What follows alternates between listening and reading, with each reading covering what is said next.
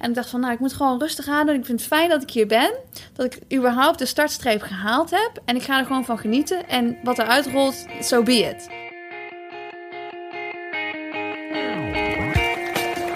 Crummins zet nog een eindsprintje in. De tweede Nederlandse op gepaste afstand. Crummins is zevende geworden in deze 10.000 meter finale. Ja, dat is een super resultaat ook van Crummins.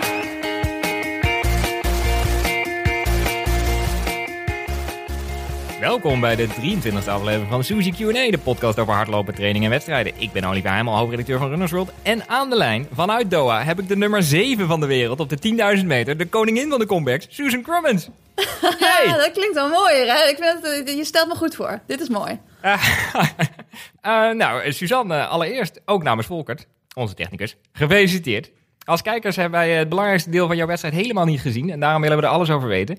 Maar eerst gaan we even luisteren naar jouw NOS-commentaar na afloop over de laatste weken voor de race. Ja, want ik, ik heb eigenlijk gewoon in vier weken geprobeerd... Uh, ja, we noemen het ook Get Fit with Suzy bij trainingskamp. Omdat iedere dag probeerde ik gewoon het maximale te doen. En heel vaak kon ik de training niet afmaken. Omdat we dus echt zoiets zwaars op het programma hadden gezet. Waarvan we wisten dat ik het eigenlijk niet af zou kunnen maken. Maar, maar kijken hoe ver ik kon komen. En de eerste paar dagen, ja, werd ik gewoon door die meidenkaart afgelopen.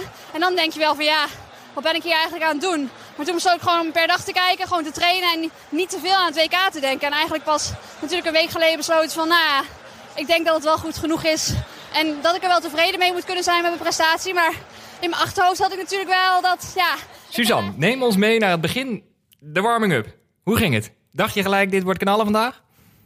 Uh, nou, nee, niet echt. Ik, ik wist eigenlijk niet zo goed wat ik ervan moest verwachten natuurlijk. Want ja, ik heb gewoon echt keihard getraind in St. Moritz. En uh, eigenlijk een beetje gedacht van... nou, we gaan zo lang mogelijk door met trainen. En we starten de taper gewoon een beetje later... zodat we nog wat meer trainingsdagen hebben. Maar dat betekent dus ook dat ik me eigenlijk gewoon nooit goed heb gevoeld voor de wedstrijd. En soms als je, ja. als je, als je een beetje in vorm raakt, dan, dan voel je dat. En dan, dan weet je van, oh, er gaat een goede wedstrijd aankomen. En nu was ik gewoon eigenlijk constant moe. Tot de dag van de wedstrijd. En toen dacht ik wel van, hé, hey, ik begin me wel wat beter te voelen. Misschien ben ik opeens uitgerust. Nou, en toen ging ik gewoon mijn warming-up doen met, met mijn trainingsmaatjes. Dus er waren gewoon uh, ja, een paar Australische, Nieuw-Zeelandse natuurlijk. Um, en ja, gewoon eigenlijk iedereen waarmee ik van tevoren getraind heb. En het, was, het voelde gewoon een beetje alsof ik uh, ja, ging trainen. Het was super gezellig. We waren gewoon aan het kletsen. Eigenlijk heel ontspannen. Want ik voel me nog af dat dat warming-up stadion, heeft dat ook een airco? Of, of nou, ga je opeens van 30 graden naar 15, zeg maar? Nou, gelukkig was er dus een indoorbaan. En dat is de indoorbaan waar ze eigenlijk... Uh, volgens mij was het negen jaar geleden hadden ze daar ook het WK Indoor. Dus gewoon zo'n 200 meter baan. En nou uh, ja, daar was gewoon de airconditioning stond daar keihard aan. Dus uh, ik heb daar lekker mijn warming-up gedaan. En toen had ik natuurlijk wel nog een koelvest mee om dan naar de koelroom te lopen. Dus ik was eigenlijk iets van nou, 500 meter buiten daarna. En uh, in die 500 meter is mijn hele koelvest ook bijna gesmolten. Het is echt zo ontzettend heet. Het was echt... En ik wist ook van tevoren, ik ga zo min mogelijk naar buiten. Ik heb eigenlijk al mijn trainingen heb ik gewoon uh, op de lopende band binnen gedaan. Ik ben natuurlijk eigenlijk de hele dag vooral in het hotel geweest. En ja, zo min mogelijk naar buiten gegaan. Want ik had zoiets van, ja, deze hitte, daar kun je ook gewoon niet aan wennen. Dat, is, dat kan ik wel proberen, maar dat, is, dat gaat echt niks worden. Dus uh, nee, ik was blij dat ik uh, redelijk mijn hoofd koel kon houden tijdens de warming-up. Ja, in de koren was het wel meteen, ja, dat, dat is altijd een beetje, een beetje stress, want ja, er, wordt altijd maar wat geschreeuwd en nummers uitgedeeld en hierheen en daarheen. En ik dacht van, nou, ik moet gewoon rustig aan doen. Ik vind het fijn dat ik hier ben, dat ik überhaupt de startstreep gehaald heb. En ik ga er gewoon van genieten. En wat eruit rolt, so be it. Ik had eigenlijk gewoon niks te verliezen. Dus toen ik daar de baan op liep, had ik zoiets van, ja, we, Weet je, dit is no stress. Dit is gewoon, uh, dit is eigenlijk gewoon een bonus na zo'n kutzomer dat ik hier sta. En uh, nou ja, we zien wel wat het gaat worden. En, en ik denk dat ik daarom ook echt gewoon, ja, er was gewoon geen druk. En ik, uh, ik kon gewoon vrij uitlopen. Dus dat was wel lekker. Ja, want ik zag dat jullie allemaal jullie rechterbeensticker echt belabberd hadden vastgemaakt. Alles wapperde en zo. Het was echt een zootje. ja. ja, dat was ook. Ik, ik kreeg mijn stickers dus. En ja hoor, ik kreeg nummer 13. Dus ik dacht, ja, Natuurlijk krijg ik nummer 13. um, dus ik, uh, keek mijn trainingsmaatjes zo aan en zei allemaal zo... Nee, nee, dat is, het is helemaal oké, okay, weet je wel. Dus ik plakte ze op en ze bleven inderdaad gewoon niet plakken. Omdat ook, ja, je gooit ook zoveel water van tevoren over je heen. Dat je, je bent gewoon helemaal oh, nat. En dan probeer je, daar, probeer je daar een sticker op te plakken. Ja, die blijft natuurlijk niet plakken. Dus dat schiet ook helemaal niet op. Maar goed, uh, voor de vorm heb ik hem er even opgeplakt. Maar volgens mij heeft er er één rondje op gezeten of zo. Ja, en uh, in de callroom zeg je dan nog iets tegen Sivan? Of zitten jullie gewoon allemaal voor je uit te staren met een koptelefoon? Dat Ja, jij denkt, jij denkt die zit vol, het is een soort van stoelendans in de koolroom. Want er stonden denk ik, nou, 10 stoelen en er waren 22 meiden. En, en iedereen, wil zijn, iedereen wil zijn spikes aantrekken. Nou, het was echt, het was één, één grote chaos. Ik denk ook wel dat ze nog wat, nog wat eh, beelden, eh, zeg maar, ze waren daar ook, er stond ook nog een, een, een camera, stond daar middenin. En het is echt gewoon, nou, het- ik weet niet, eh 4 bij 5 meter of zo die ruimte. En daar staan dan 22 meiden die allemaal hun spikes willen aantrekken, die allemaal willen blijven bewegen. En nou ja, dat was gewoon één grote chaos. Dus ik heb, ik heb daar niet meer gesproken. Ik heb eh, mijn trainingsmaatjes wel nog even eh, een, een teamhug gegeven voor de wedstrijd. Ja, en toen moesten we gewoon de baan op. En eh, nou ja, toen begon het ook eigenlijk vrij snel daarna. Gelukkig hebben we ons niet, niet heel lang laten wachten voordat de wedstrijd voordat het de startschot ging. Dus dat was wel lekker. Dus dat je dus niet eh, daar nog uren staat en dat ze eerst heel uitgebreid iedereen gaan voorstellen. Dus eh, toen we eenmaal begonnen waren, toen eh, dacht ik van ja, lekker. Dit, dit, gaat, dit gaat goed worden. Ja, ik heb, ik heb het begin gezien op België. En de commentator Oh ja? zei al gelijk, dit is Susan Crummins. En die heeft de gewoonte om heel veel volk op te rapen onderweg. Heel veel volk. Mooi eigenlijk. nou, oude plogger die je bent. Maar ja, ehm, inderdaad. Lekker oprapen. trouwens ook op... Over camera's gesproken, er was voor het eerst een camera in het startblok. Heb je dat al gezien? Ik ben niet uit de startblok gestart. Nee, begrijp Eh, ik. m- Mijn start was ook niet, eh, was niet super snel. Ik eh, kwam eigenlijk meteen in de achterhoede terecht. Dus eh, Ja. nee, ja, ik, ik, ik heb inderdaad wel beelden gezien van de sprinters in de startblokken. Dat is wel echt. Ik vond het wel, dat is wel mooi als je zo'n heel gefocust gezicht ziet. En ja, dan, dan voel je wel echt dat je dichter, dichter bij de sport staat. En dat je, dat, dat je echt een beetje meemaakt wat zij meemaken. Dus dat is wel leuk. Hey, en eh, de eerste rondes, ja, de, de Belgische commentator had het zelfs over wandelen. Maar eh, ik geloof dat je de eerste duizend in, in 3.12 ging of zo. Daar moet je nog stevig voor doorwandelen. Ehm, maar er kwam ook een vraag van een luisteraar. Had je nog harder gekund? Uiteindelijk als die eerste rondes eh, harder waren gegaan? Of eh, was daar een lekkere opbouw? Dat is een lekkere. Nee, dat had ik natuurlijk wel harder gekund. Dat, eh, het is het beste natuurlijk om zo'n race. Als je hard wil, dan kun je beter vlak lopen. Dus eh, als je op het toernooi staat. En daarom kijk je ook niet zo snel naar de tijd. Omdat je er eigenlijk van uitgaat dat de tijd toch niet goed is. Om, omdat je inderdaad langzaam begint. Dus eh, ja, natuurlijk had ik harder kunnen lopen dan. Hè, had ik 131 gekund. Maar dat, uiteindelijk maakt dat helemaal niks uit. En, en je weet gewoon dat in een, op, een toernooi. dan is die laatste, die laatste kilometers zijn gewoon vet belangrijk. En die gaan altijd hard. Dus nou ja, uiteindelijk maak ik me daar helemaal niet druk om. Als het dan langzaam begint, dat het meer zo dat je dus een beetje bezig bent met een goede positie te vinden. En dat je dus ja, ja, niet eh, te veel van, van achteren aangetikt wordt. En dat je bijna struikelt en zo. Dus daar ben je eigenlijk meer mee bezig dan met het tempo. We gaan even naar ons eerste segment. Ask Suzy. Stuur je vraag in, dan beantwoordt Suzanne die hoogstpersoonlijk in de uitzending. Leslie Nieuwenhuis zegt, wat, wat, eh, wat dacht je toen er een gaatje viel? Want op een gegeven moment viel er een gaatje. Je zat aan het begin met Sifan achterin, Ja, vrij relaxed. En toen, eh, en toen kwam er een afscheiding. En toen dacht ik, wat doe je nou? wat doe je nou? Ja, eh, op een gegeven moment wist ik toen, toen ik daar helemaal achterin liep, dacht ik van, oh ja, ik zit wel heel erg ver van de, van de kop af. Maar ja, Sivan zit hier ook. En eh, er, is, er is best wel een grote kans dat zij natuurlijk gaat winnen. Dus ik, eh, toen zij uiteindelijk de move naar voren maakte, dacht ik van, nou ja, ik, moet ook op een gegeven moment langzaamaan wel wat meer naar voren. Maar ja, als er dan een groepje wegloopt, dan ben ik niet degene die de groep nu terug gaat halen. In zo'n goede vorm ben ik gewoon niet. En ik wist dat ook. Ik dacht van ja, dit- als die Amerikanen, die zullen ook wel ergens een move willen gaan maken. Maar je hoeft niet per se meteen op, eh, op suicide pace en dan eh, ja, dat je, dat je dan uiteindelijk niet meer finisht. Dus ik heb het er wel geprobeerd zo voorzichtig mogelijk op te bouwen. En eh, ja, eigenlijk me gewoon vooral een beetje op de Amerikanen gericht in eerste instantie. Want die bleven ook heel gezellig bij elkaar, viel me op.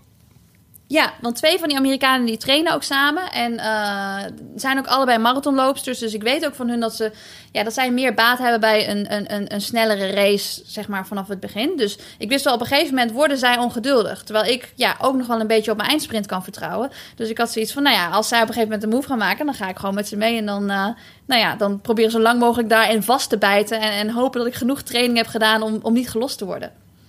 Ja, want dat stuk hebben we dus helemaal niet gezien. Ik heb nog gezien dat je dertiende lag of zo. En opeens kwam je er zevende over de finish. Ja. Waar, eh, waar, wat is daar gebeurd? Ja, dat is ja. Eigenlijk wat ik, waar ik de hele race mee bezig ben geweest, is gewoon: je hebt gewoon zo'n lint van die meiden. En op een gegeven moment eh, breekt er steeds een groepje af. Dus iemand eh, laat gewoon een gaatje vallen. En als er dan een gat valt voor je, dan probeer je daar gewoon in te duiken. En ervoor te zorgen dat jij wel bij die groep aanhaakt. En zo ben ik steeds stap voor stap ben ik gewoon een plaats opgeschoven. En inderdaad eigenlijk heel voorzichtig gelopen. Maar ook wel vooruitgekeken. Want op een gegeven moment zag ik van... hé, hey, daar is een Japanse die heel hard gestart is. En die langzaam aan iedere ronde steeds een stapje dichterbij komt. We moeten er wel voor zorgen dat het tempo hoog genoeg blijft liggen. Dat we haar ook echt gaan inhalen. Of hoe, hoe noemde die Belg het nou? Volk, volk oprapen? Ja, precies. Ja, dat is eh, exact wat je hebt Ja. gedaan dan. Dus, dus dat heb ik inderdaad precies gedaan. Had hij helemaal gelijk in. Ehm, maar ja, die, die Amerikanen die zagen dat natuurlijk ook. En die, eh, die richten zich daar ook op. En ik had zoiets van, nou ja, ik moet gewoon blij, bij die Amerikanen blijven. En dan in, eh in de laatste aan. ronde- Ja, zwaankleef aan. En dan ja, in de laatste ronde dan, dan gaan we natuurlijk sprinten voor de, voor de ereplaats van de groep. En eh, ja, ik ben dan zo vervelend dat ik dan per se moet winnen van die groep. Dus eh, dat... Het is je vergeven. Tijn Pies eh, die vroeg nog, ehm, wat was het eerste waar je aan dacht na de finish? Je zag er gelijk heel blij uit trouwens. Wat was het laatste rondje? Was het... Ja, nog laatste rondje. Nou, ik heb, ik heb onderweg helemaal geen splits gezien. Ik wist sowieso niet op wat voor tempo we liepen. Dus de laatste ronde weet ik ook echt niet. Maar eh, ja, in de laatste ronde, ik, ik, ik liep natuurlijk nog met die drie Amerikanen. Op een gegeven moment ging de derde voorbij. Toen liep ik achter die twee Amerikanen. En toen dacht ik van, nou ja, nu gaan zij kaart sprinten. En in de laatste 100 meter ben ik inderdaad zij aan zij gaan sprinten met Marielle Hall. Zij is van de groep van eh, de, de Bowman Track Club. En Ja. twee, jaar gel- twee jaar geleden in Londen, toen sprintte ik ook eh, in de laatste 100 meter met een meisje van de Bowman Track Club, Emily Inveld.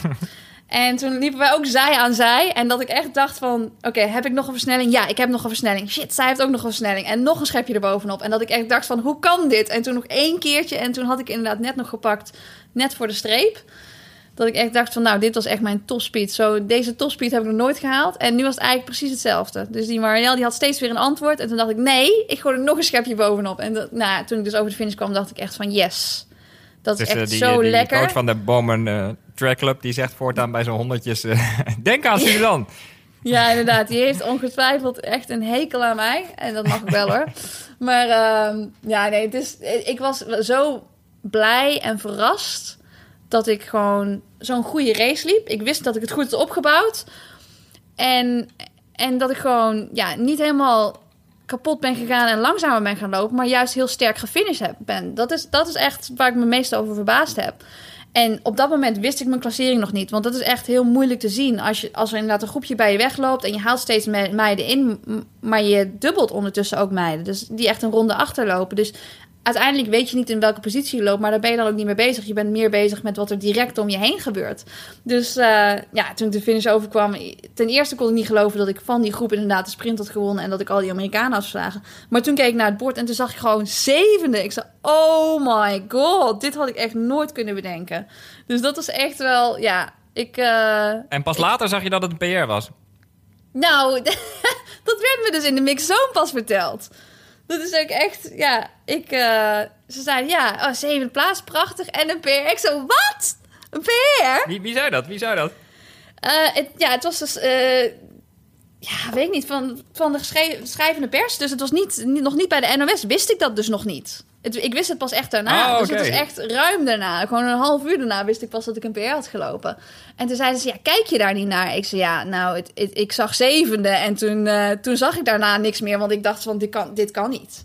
Dus het was, eh, ja, ik heb dat een beetje, een beetje gemist. Maar ja, een PR op een, op een toernooi. En eh, ja, vooral na zo'n zomer, dat is natuurlijk wel... dan heb je op zich wel goed gepiekt, denk ik. Ja, ja, of je bent wel heel goed in woestijn lopen. Dat, eh, ik weet niet Ja, woest- over je carrière. Ja, Maar dat is eh, natuurlijk ook wel mooi dat ik dat voortaan kan zeggen. Dat ik 31 minuten in de woestijn heb gelopen. Dat is wel, eh, wel jammer van die 5 seconden dan, hè? Anders had ik nog net kunnen zeggen onder. Maar goed. Er kwam nog een vraag van Inge Ringoot. Wat ver- verwacht je na deze prestatie van Tokio? Heb je nu Ja, het is, je verwachtingen bijgesteld? Denk je, ik ben heel goed in de hitte? Ik, ik ben heel goed in de hitte. Nou, ik moet zeggen, de airconditioning stond dus aan in het eh, stadion. En ik vond het eigenlijk wel gewoon een lekker temperatuurtje. En op een gegeven moment ga je natuurlijk wel een beetje zweten. Want ja, als je 10 kilometer best wel hard aan het rennen bent, dan ga je sowieso zweten. Dat, dat zou je in, in Nederland in de winter ook doen. Dus, ehm, maar ik vond het, eh, het was een lekkere temperatuur. Dus dit is natuurlijk wel echt heel anders dan Tokio. Want in Tokio hebben ze die airconditioning niet. Ik, eh, ik heb wel gevraagd of ze dat misschien willen bouwen, maar ik denk niet dat het gaat gebeuren.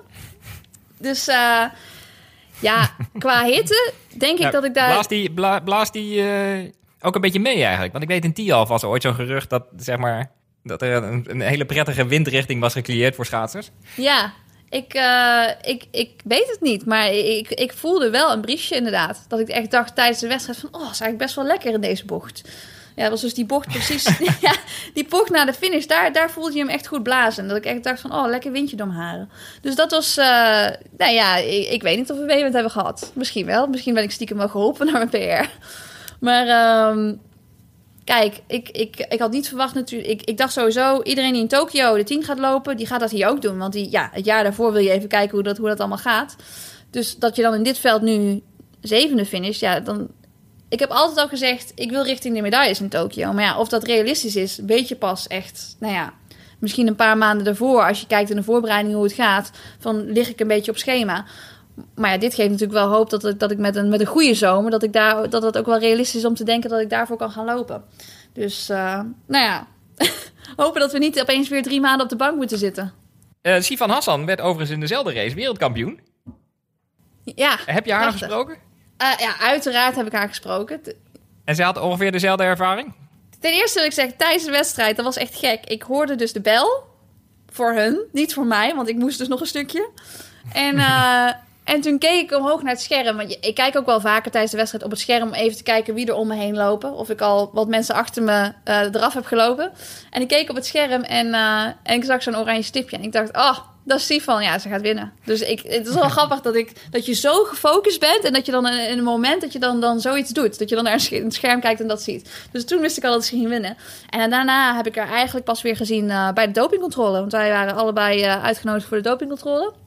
En ja, ze, ze was natuurlijk gewoon sowieso door het tol heen. Dat snap ik natuurlijk. Maar eh, ze zei wel van dat de 10 kilometer dat het wel heel ver is. En dat ze, dat ze het toch wel allemaal zwaar vond. En dat de 1500 dan toch leuker is. Dus eh, Nou, jij denkt eh, dat ze vast een voorschot nam op haar keuze later in het toernooi om 1500 te doen in plaats van 5 kilometer? Of? Nou, ik denk dat ze daar geen geheim van maakt dat ze de 1500 leuker vindt. En ik heb ook tegen haar gezegd, nou, Sifan, als, als je het allemaal te zwaar vindt, de 10 kilometer, ik vind het ook niet erg als je gewoon weer naar de 1500 switcht. waarop, waarop iedereen om mij heen heel hard moest lachen. Ik zei, nou, het was een serieuze suggestie dit, maar dat eh, gaat natuurlijk niet gebeuren. Maar goed, ehm, nee, het was, eh, het was ontzettend gezellig bij de dopingcontrole, want we hebben er allebei nog, eh, nou nog een paar uur na de wedstrijd gezeten. Dus eh, voordat je daar, daar helemaal door, door, de, door de mixzone en de dopingcontrole en zo bent, dan ben je echt weer vier uur verder. Dus eh, dat was Oh. nou, één grote gezelligheid.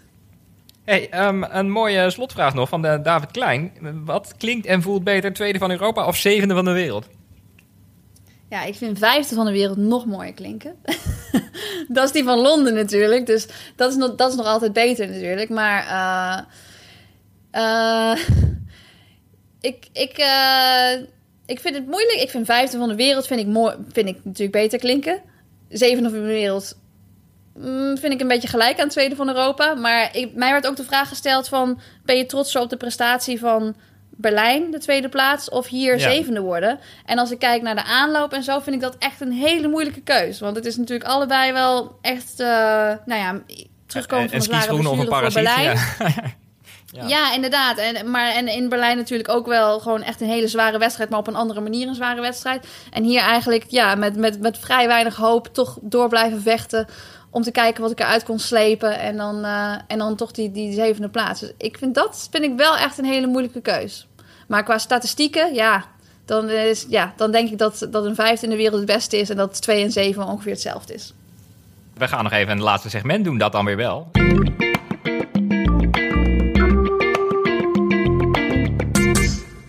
Woord van de week is eh, hotel. Want eh, Daphne Schippers liet eh, weten dat haar hotel zacht gezegd niet aan de verwachtingen voldeed. Minder zacht gezegd, alle belabberst eten en kakkerlakken in de kamer.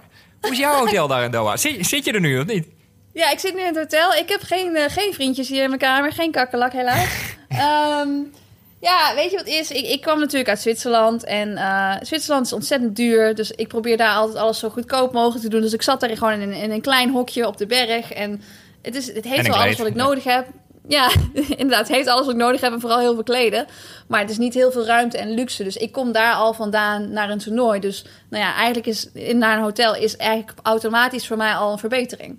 Maar het klopt wel dat, dat het, uh, dat het eten, dat, is, uh, dat laat te wensen over, zullen we maar zeggen. Ik ben hier nog niet in het restaurant geweest. En het schijnt ook wel dat, uh, dat, dat, het, dat het zeg maar qua hygiëne... Met, we hebben hier echt een ontzettend groot hotel met 1400 kamers. Heel veel verschillende landen. En ja, dan, dan is het moeilijker om natuurlijk niet ziek te worden. En als er dan een heel klein restaurant is, dan is dat gewoon een beetje een gevaar. Vooral als je een beetje op het randje zit, omdat je natuurlijk hard getraind hebt en lage weerstand. Dan is dat wel een beetje eng. Dus uh, nou, ik heb de avond voor de wedstrijd, heb ik gewoon, uh, ik reis ook altijd met van die zakjes uh, twee minuten reis, die je gewoon in de magnetron gooit. En blikjes tonijn.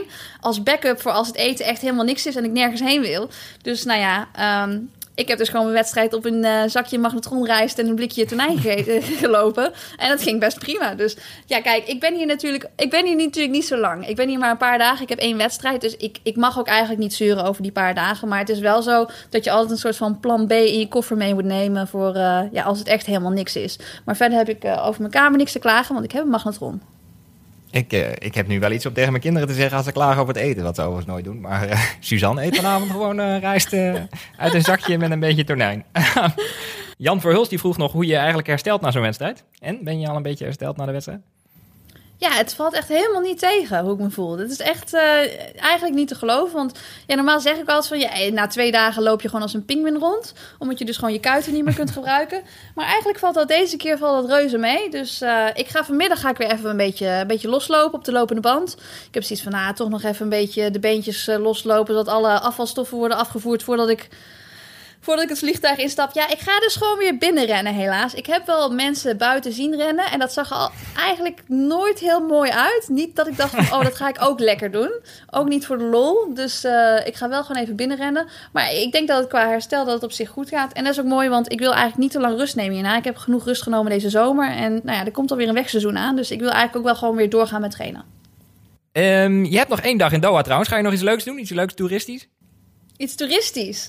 Nou, ik, uh, ik ben gisteren toevallig al in een, in een soek geweest. Dus ik heb wel het idee dat ik al iets van Doha heb gezien. Maar ik moet zeggen dat het ook zo warm is dat je eigenlijk gewoon niet naar buiten wil. Um, maar ja, ik heb vandaag nog wel een, een, paar interviews en allerlei andere dingen die ik nog in het hotel moet doen. Maar wat ik eigenlijk ook altijd ieder toernooi doe, is dat we dan er is vanuit sponsoren wordt er altijd een hospitality geregeld voor atleten. Dus vanuit Nike bouwen ze dan een soort van, nou, of ze hebben het in een hotel of ze hebben het in een andere ruimte. En dat is een soort van ruimte waar eigenlijk alle atleten die gesponsord zijn door Nike, die kunnen daar dan heen om te eten, om uh, je nagels te laten doen, om een beetje te ontspannen. En het is eigenlijk wel leuk dat ze dat bij ieder toernooi zetten ze dat alle verschillende merken die zetten dat allemaal gewoon neer, omdat je dan een soort van safe haven hebt voor de atleten. Dus ik weet nog in Rio dat ik daar echt uh, dat ik dat super fijn vond dat ik als ik dan het uh, Olympisch dorp uitging, dat het gewoon echt eventjes een andere plek was waar ik gewoon eventjes nou ja, een beetje het idee had dat ik gewoon even verwend werd. Dus dat is wel, uh, dat is wel super leuk. Dus daar ga ik vandaag heen en daar kijk ik ook wel heel erg naar uit. Maar safe haven als in dat je geen atleet tegenkomt van een andere sponsor of geen pers? Nou, meer dat het dat je weet in ieder geval dat, dat, dat, dat op die plek daar is bijvoorbeeld altijd heel goed eten. Daar zorgen ze echt Ah, voor. kijk. En daar hebben ze bijvoorbeeld ook... eh, nou, ze hebben daar van alles... Gewoon allerlei leuke dingen om, om eventjes... Ja, een beetje het gevoel te hebben dat je, dat je even niet op het toernooi bent... en dat je gewoon eventjes lekker kunt ontspannen. Dus zeg maar tussen de wedstrijden door is dat leuk... maar het is natuurlijk helemaal lekker als je al klaar bent. En ze hebben daar vaak ook hele goede koffie en flat whites.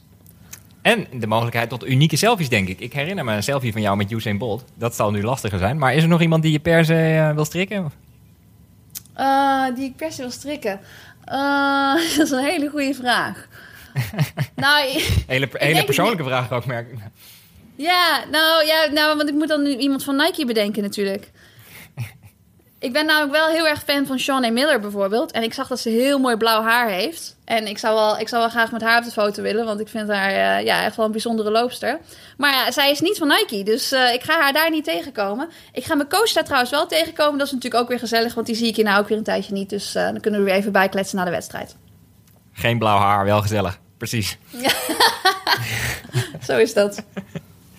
Ja, want wat zijn jouw plannen? Als wielrenner zou je nu de criteriums ingaan, zeg maar. Maar wat zijn jouw criteriums?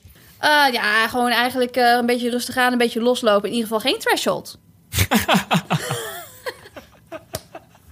ja, de criteriums die zijn volgens mij al allemaal achter de rug, omdat het eh, toernooi zo laat was, helaas. Dus eh, ja, dat, dat is er natuurlijk niet. Ik neem wel even een weekje dat ik, eh, dat ik echt even rust heb en dat ik gewoon, ja, gewoon wat duurloopjes doe als ik er zin in heb en, en even, even geen kwaliteitstrainingen. En daarna begin ik gewoon weer langzaam met opbouwen met de training, omdat ja, de Zevenheuvelloop er aankomt en daar wil ik natuurlijk gewoon hard lopen. Ja, precies. Nou, we gaan je volgen. En ehm, volgens mij zit het er alweer op. Zo zijn wij helaas aan het einde gekomen van deze 23e aflevering van Suzy Q&A. Dank Volkert, onze technicus van Dag en Nacht Media. Dank Suzanne vanuit Doha. En dank u, beste luisteraar, voor het luisteren. Blijf luisteren en lopen. Ook namens Suzanne.